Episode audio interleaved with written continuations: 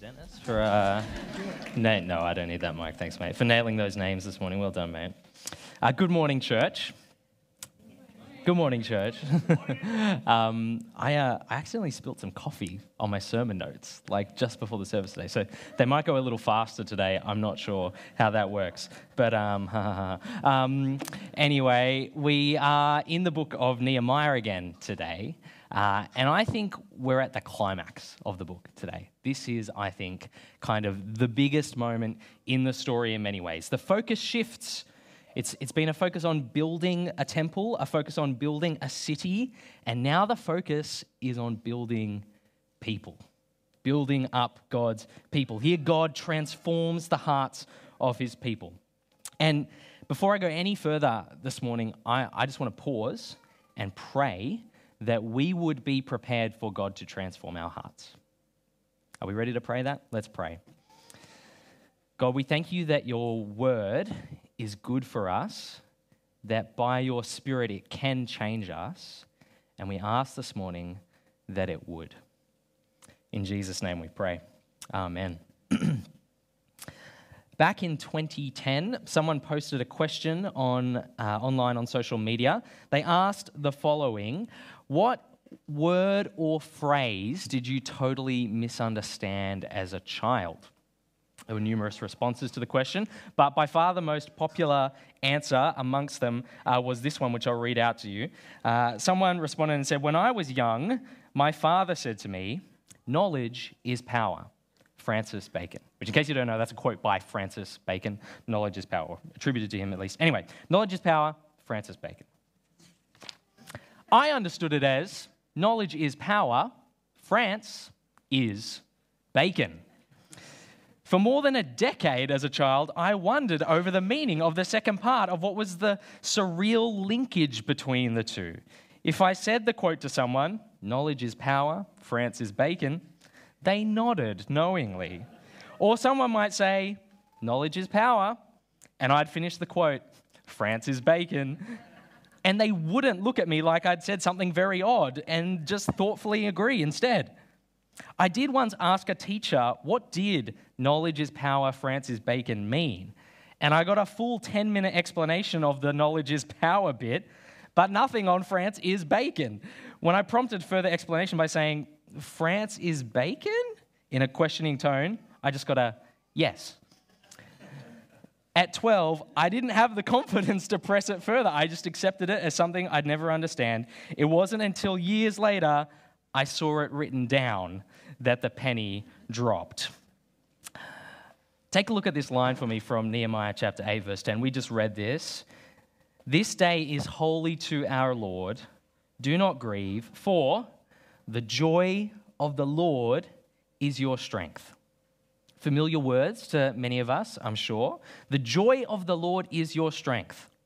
As I was reading this kind of uh, at the start of the week, preparing my sermon, I got to that line and I stopped and I thought, what does that actually mean? The joy of the Lord is your strength. I mean, we understand joy, generally speaking, right? But what is the joy of the Lord and how does it strengthen us? Before the events that happen in Nehemiah, when these people were living in exile, we actually read in one of the Psalms, there's, there's a psalm about their exile. Um, we, we read that they sat and wept beside the waters in Babylon, and there they were taunted and bullied by their captors who said, Sing us one of your happy Zion songs. And in the psalm, we read, How shall we sing the Lord's song in a foreign land? If I forget you, O Jerusalem, let my right hand forget its skill. Let my tongue stick to the roof of my mouth. If I do not remember you, if I do not set Jerusalem above my highest joy.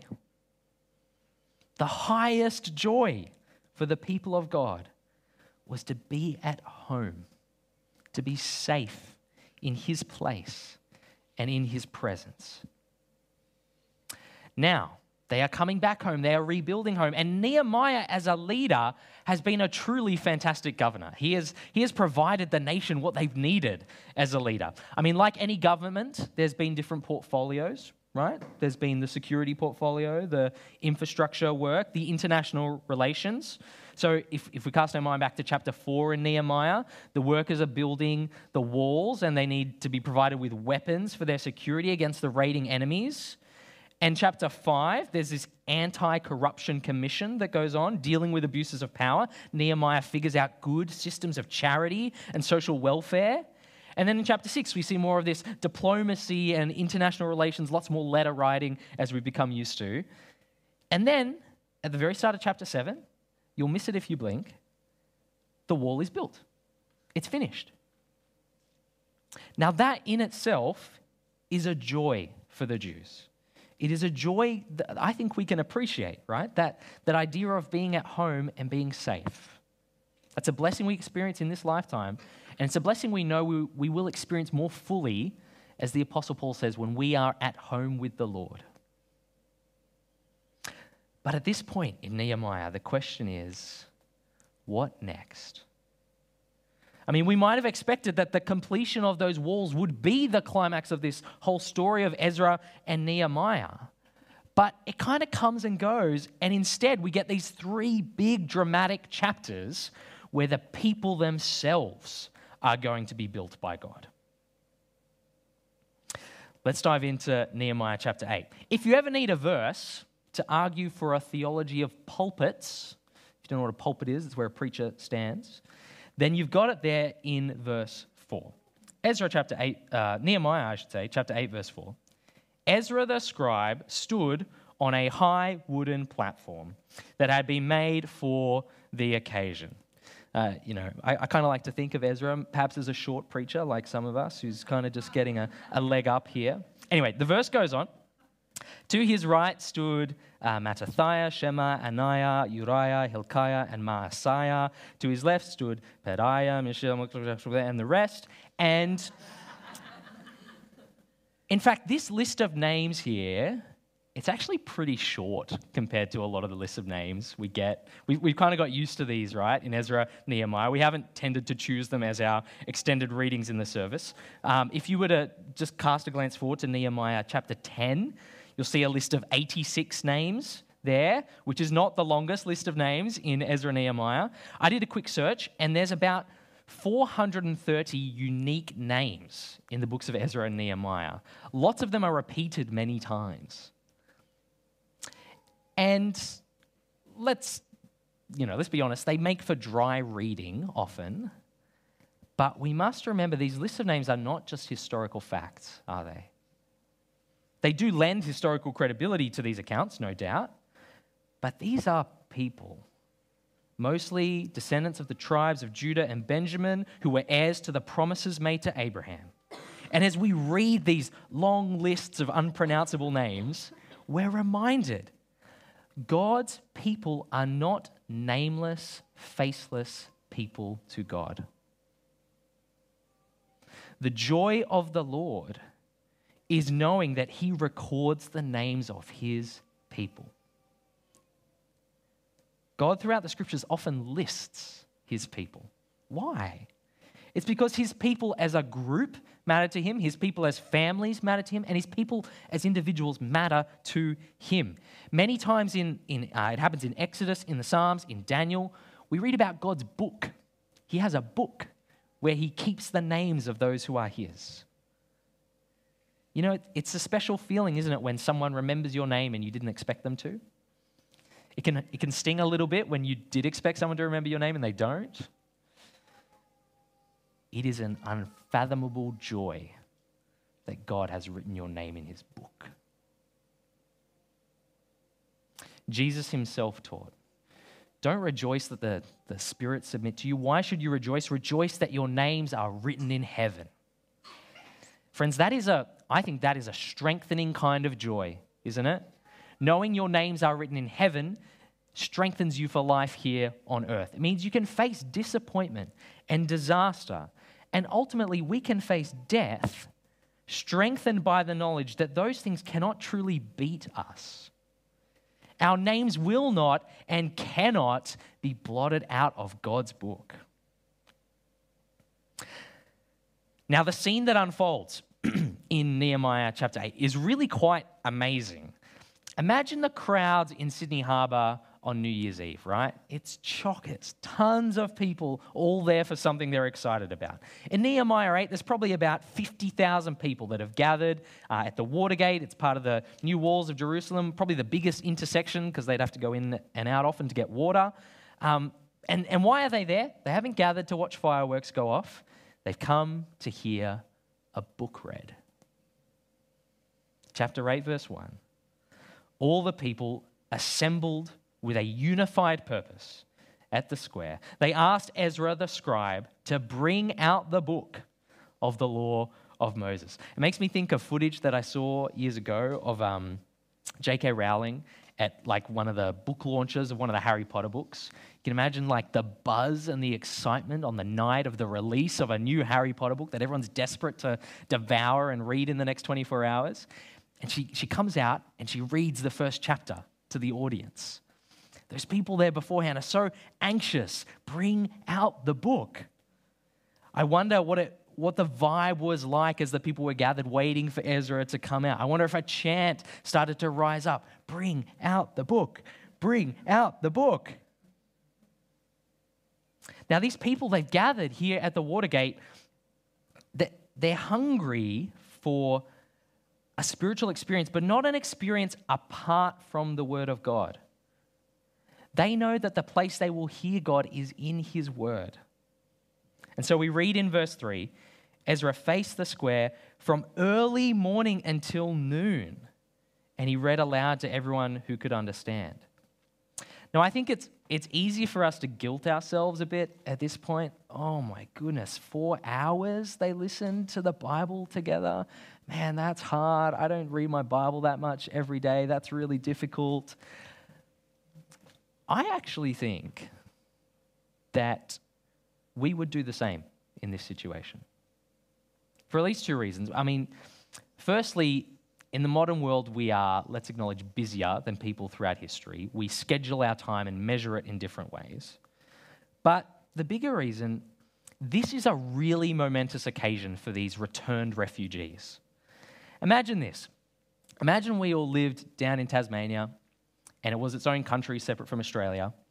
And some neighboring armies, I don't know, Antarctica, came up and the, they sent their best penguin and polar bear forces and they just wiped it out, right? We get taken off as prisoners of war. They've destroyed our homes, destroyed our churches. And then decades later, we, as the few remaining Christians, come back to the place that we know is our home. And we rebuild that home. And then finally, for the first time, we are gathered together to hear from the Word of God, together again at home. I think a day like that, listening to God's Word for half a day, is really not that outrageous. And yet, at the same time, let's not take away from what is really inspiring about this example. These people were desperate to know God's Word, weren't they? They wanted to hear it. Uh, I've got a picture from uh, my living room. we have this wonderful little uh, shamrock pot plant. It's got these big triangular purple flowers. Uh, when we got it, we put it up on this little shelf, and uh, the stems were kind of going straight up, right? And then slowly over time, those stems started to bend this way and down and curve around the corner till these big leaves were all facing the sunlight out of that window like a plant that grows when it is fed by light, but shrivels in the dark. People grow when they are fed by truth. Here, God's people are like that plant. It was almost like the plant had arms that it was stretching out and reaching for the sunlight with. And here, God's people are reaching out for the truth of God's law that they know is going to bring them joy and blessing. They ask for this teaching, don't they? They ask Ezra, please come and teach us from the law. They choose and they commit together to gather around the word of God. Not them sitting over it, but it sitting over them. Not them changing it, but letting it change them.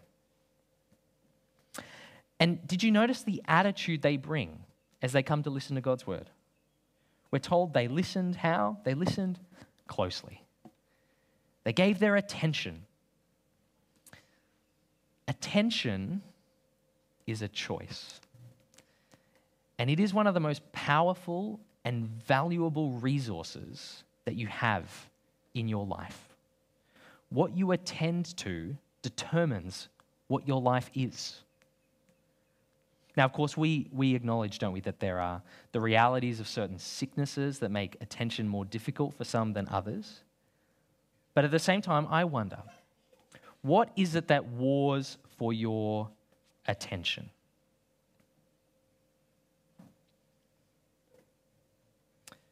The point is, the people here did what it took to, to put that aside. They paid attention to the word when they gathered together. You know, you could not accuse these people of just going through the religious motions. They're not doing some religious ritual because, well, that's what we do at this time of the year, right? They're actively engaged in this worship. They are thinking it through. They're listening to the teachers and interpreters nearby them who are explaining the law. They stand when the law is read. They say amen and they pray. Notice their postures. They raise their hands in prayer and they bow down in their worship. There's, there's all this active participation in what's going on. They don't show up and let their minds wander. We read that all the people were weeping as they listened. Far out. Sometimes we are just a bit blase when we read God's word, aren't we? And I'm not saying every experience of opening your Bible will be one that brings you to tears. But don't we want that kind of encounter with God's word? As they took in all that God had done for them, all of the, all the promises He'd made to them, all that He'd commanded them to do and to be, all the patience that He'd shown, it hit them in such a way that they were moved to tears. In the book of Hebrews, we're told the Word of God, it's alive and powerful, sharper than the sharpest two edged sword, cutting between soul and spirit, between joint and marrow, exposing our innermost thoughts and desires. Clearly, God's Word cut deeply into the hearts of the people that day. Friends, I pray that God would give us that kind of hunger for His truth, that we would be hungrier for the book than we are for entertaining experiences and on demand TV and eternal scrolling. I wish that we were willing to let God set the agenda in everything, open to what He says, even if it doesn't sit well with us, convinced that what he says is the truest truth, the most solid foundation, the most nourishing food, and certain that obeying his commands will generate our deepest joys.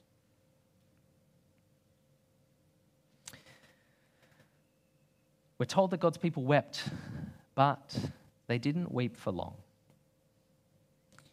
You see, the wonder of God's patience toward, him, toward them, his presence with them, and his provision for them was a cause for celebration, not for tears. There would come a day when they confess their sins together as a community. That's in chapter 9. Um, it's, a, it's a very, uh, actually, I love the prayer in chapter 9. I'm, I'm really glad that Beth adapted it and used it in her prayers today because if you get the chance to read the prayer in chapter 9, it's this wonderful blend of biblical language that still sounds really fresh. And I think it's a model for us of a way to pray. Anyway, I'm uh, going on a tangent. Um, chapter 8. They celebrate. Chapter 8, they celebrate. Why do they celebrate? It's there in verse 12. Take a look. Chapter 8, verse 12. Why do they celebrate? They go away and eat, drink a festive meal, share gifts of food, celebrate with great joy because they'd heard God's words and understood them. That's why they're celebrating. They understand God's word. God's word's been read and taught. And, and when that happens, friend, it does much more than just reveal our sin, it reveals our Savior, God Himself. God's good word to his people is that our sin does not get the final word. Our sin does not get the final word in our lives. His grace and his mercy will get the final word. The joy of the Lord is this word of grace towards sinners. Because of grace, when we hear and understand God's word, we're not left to simmer in a pool of regret and shame sorrow over our sin should give way to joy. knowing that it's the Lord's joy to extend grace to sinners, gives us strength to live for Him and love Him rather than run away from Him. That's why the joy of the Lord is celebrating His graciousness. now, we read the first half of Nehemiah chapter 8.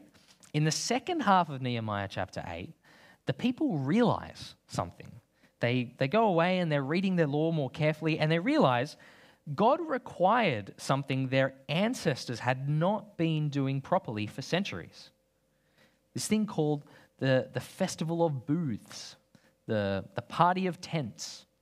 This big community festival where they all camped in their backyards for a week. They were instructed in the law to make tents out of branches and to live outdoors in them for a week. It had particular uh, significance. I won't go into it now. But here's what we read in verse 16. So the people went out and got branches and used them to build shelters. They read in the law of God that they should do this, and then they did this. How often do we think, yeah, you know what, I should do something about that? God's word has, has convicted me today. And then we sing the last song at church, and that thought just kind of drifts out of our mind. Or if it doesn't drift out of our mind, we have a go, but ah, it's too hard. I'm too busy. It's too embarrassing. What does the book of James teach us? Do not merely listen to the word and so deceive yourselves. Do what it says. Now, notice this. Did their obedience make them miserable? Not at all. Look at verse 17. They, they have a blast celebrating this festival. It's really fun. It sounds kind of fun, right? Camp in your backyard for a week with everyone else. That's kind of cool in verse 17, and there was very great rejoicing. The joy of the Lord is glad obedience. Now, um, chapters 9 and 10, let me sum it up really quickly. The people respond. End of chapter 9, they say, In view of all this, we are making a solemn promise and we're putting it in writing. Chapter 10, then the rest of the people bound themselves with an oath. They solemnly promised to carefully follow all the commands of the Lord. Chapter 10 is all about this vow that the people take together. We're going to obey God's law. We're going to listen to his word and we're going to do what it says. And what do they do? They write it down. They write down what they've promised to do.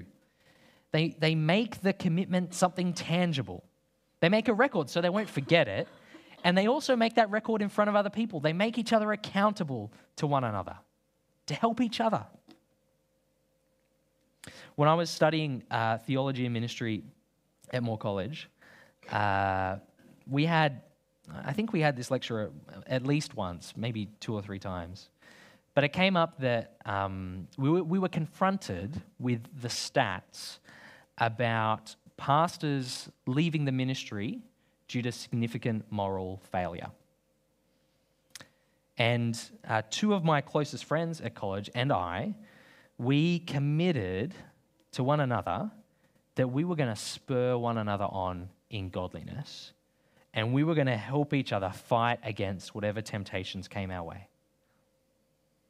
And so while I was at college and ever since then, for the years since then, every fortnight, at the moment it's on a Wednesday morning, I sit down with those two guys and we have coffee together.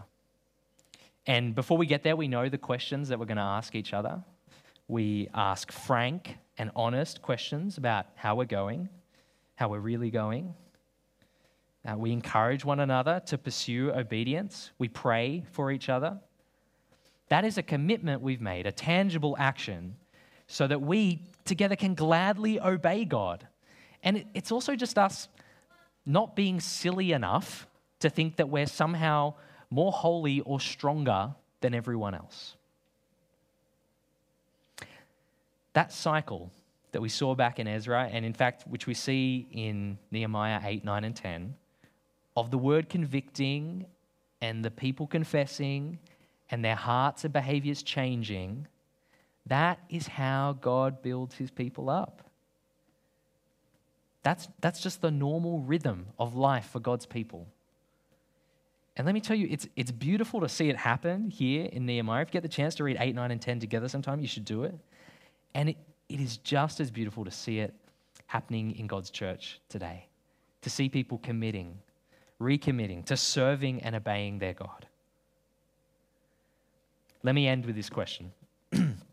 Let me ask you Have you discovered the joy of the Lord that is your strength? Have you discovered that saying yes to God's commands actually brings you greater joy than whatever it is that tempts you to ignore Him? That's what was going on in Nehemiah for the people in his day. And here's what they found they found that the Lord's joy, sorry, they found the Lord's joy when they obeyed His word and committed to serving Him.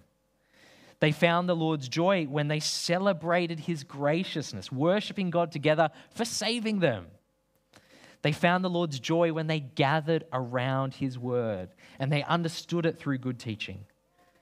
And they found the Lord's joy by reflecting on the fact that their names are known and noted by God. When God builds you, you can say, The joy of the Lord is my strength. Let's pray.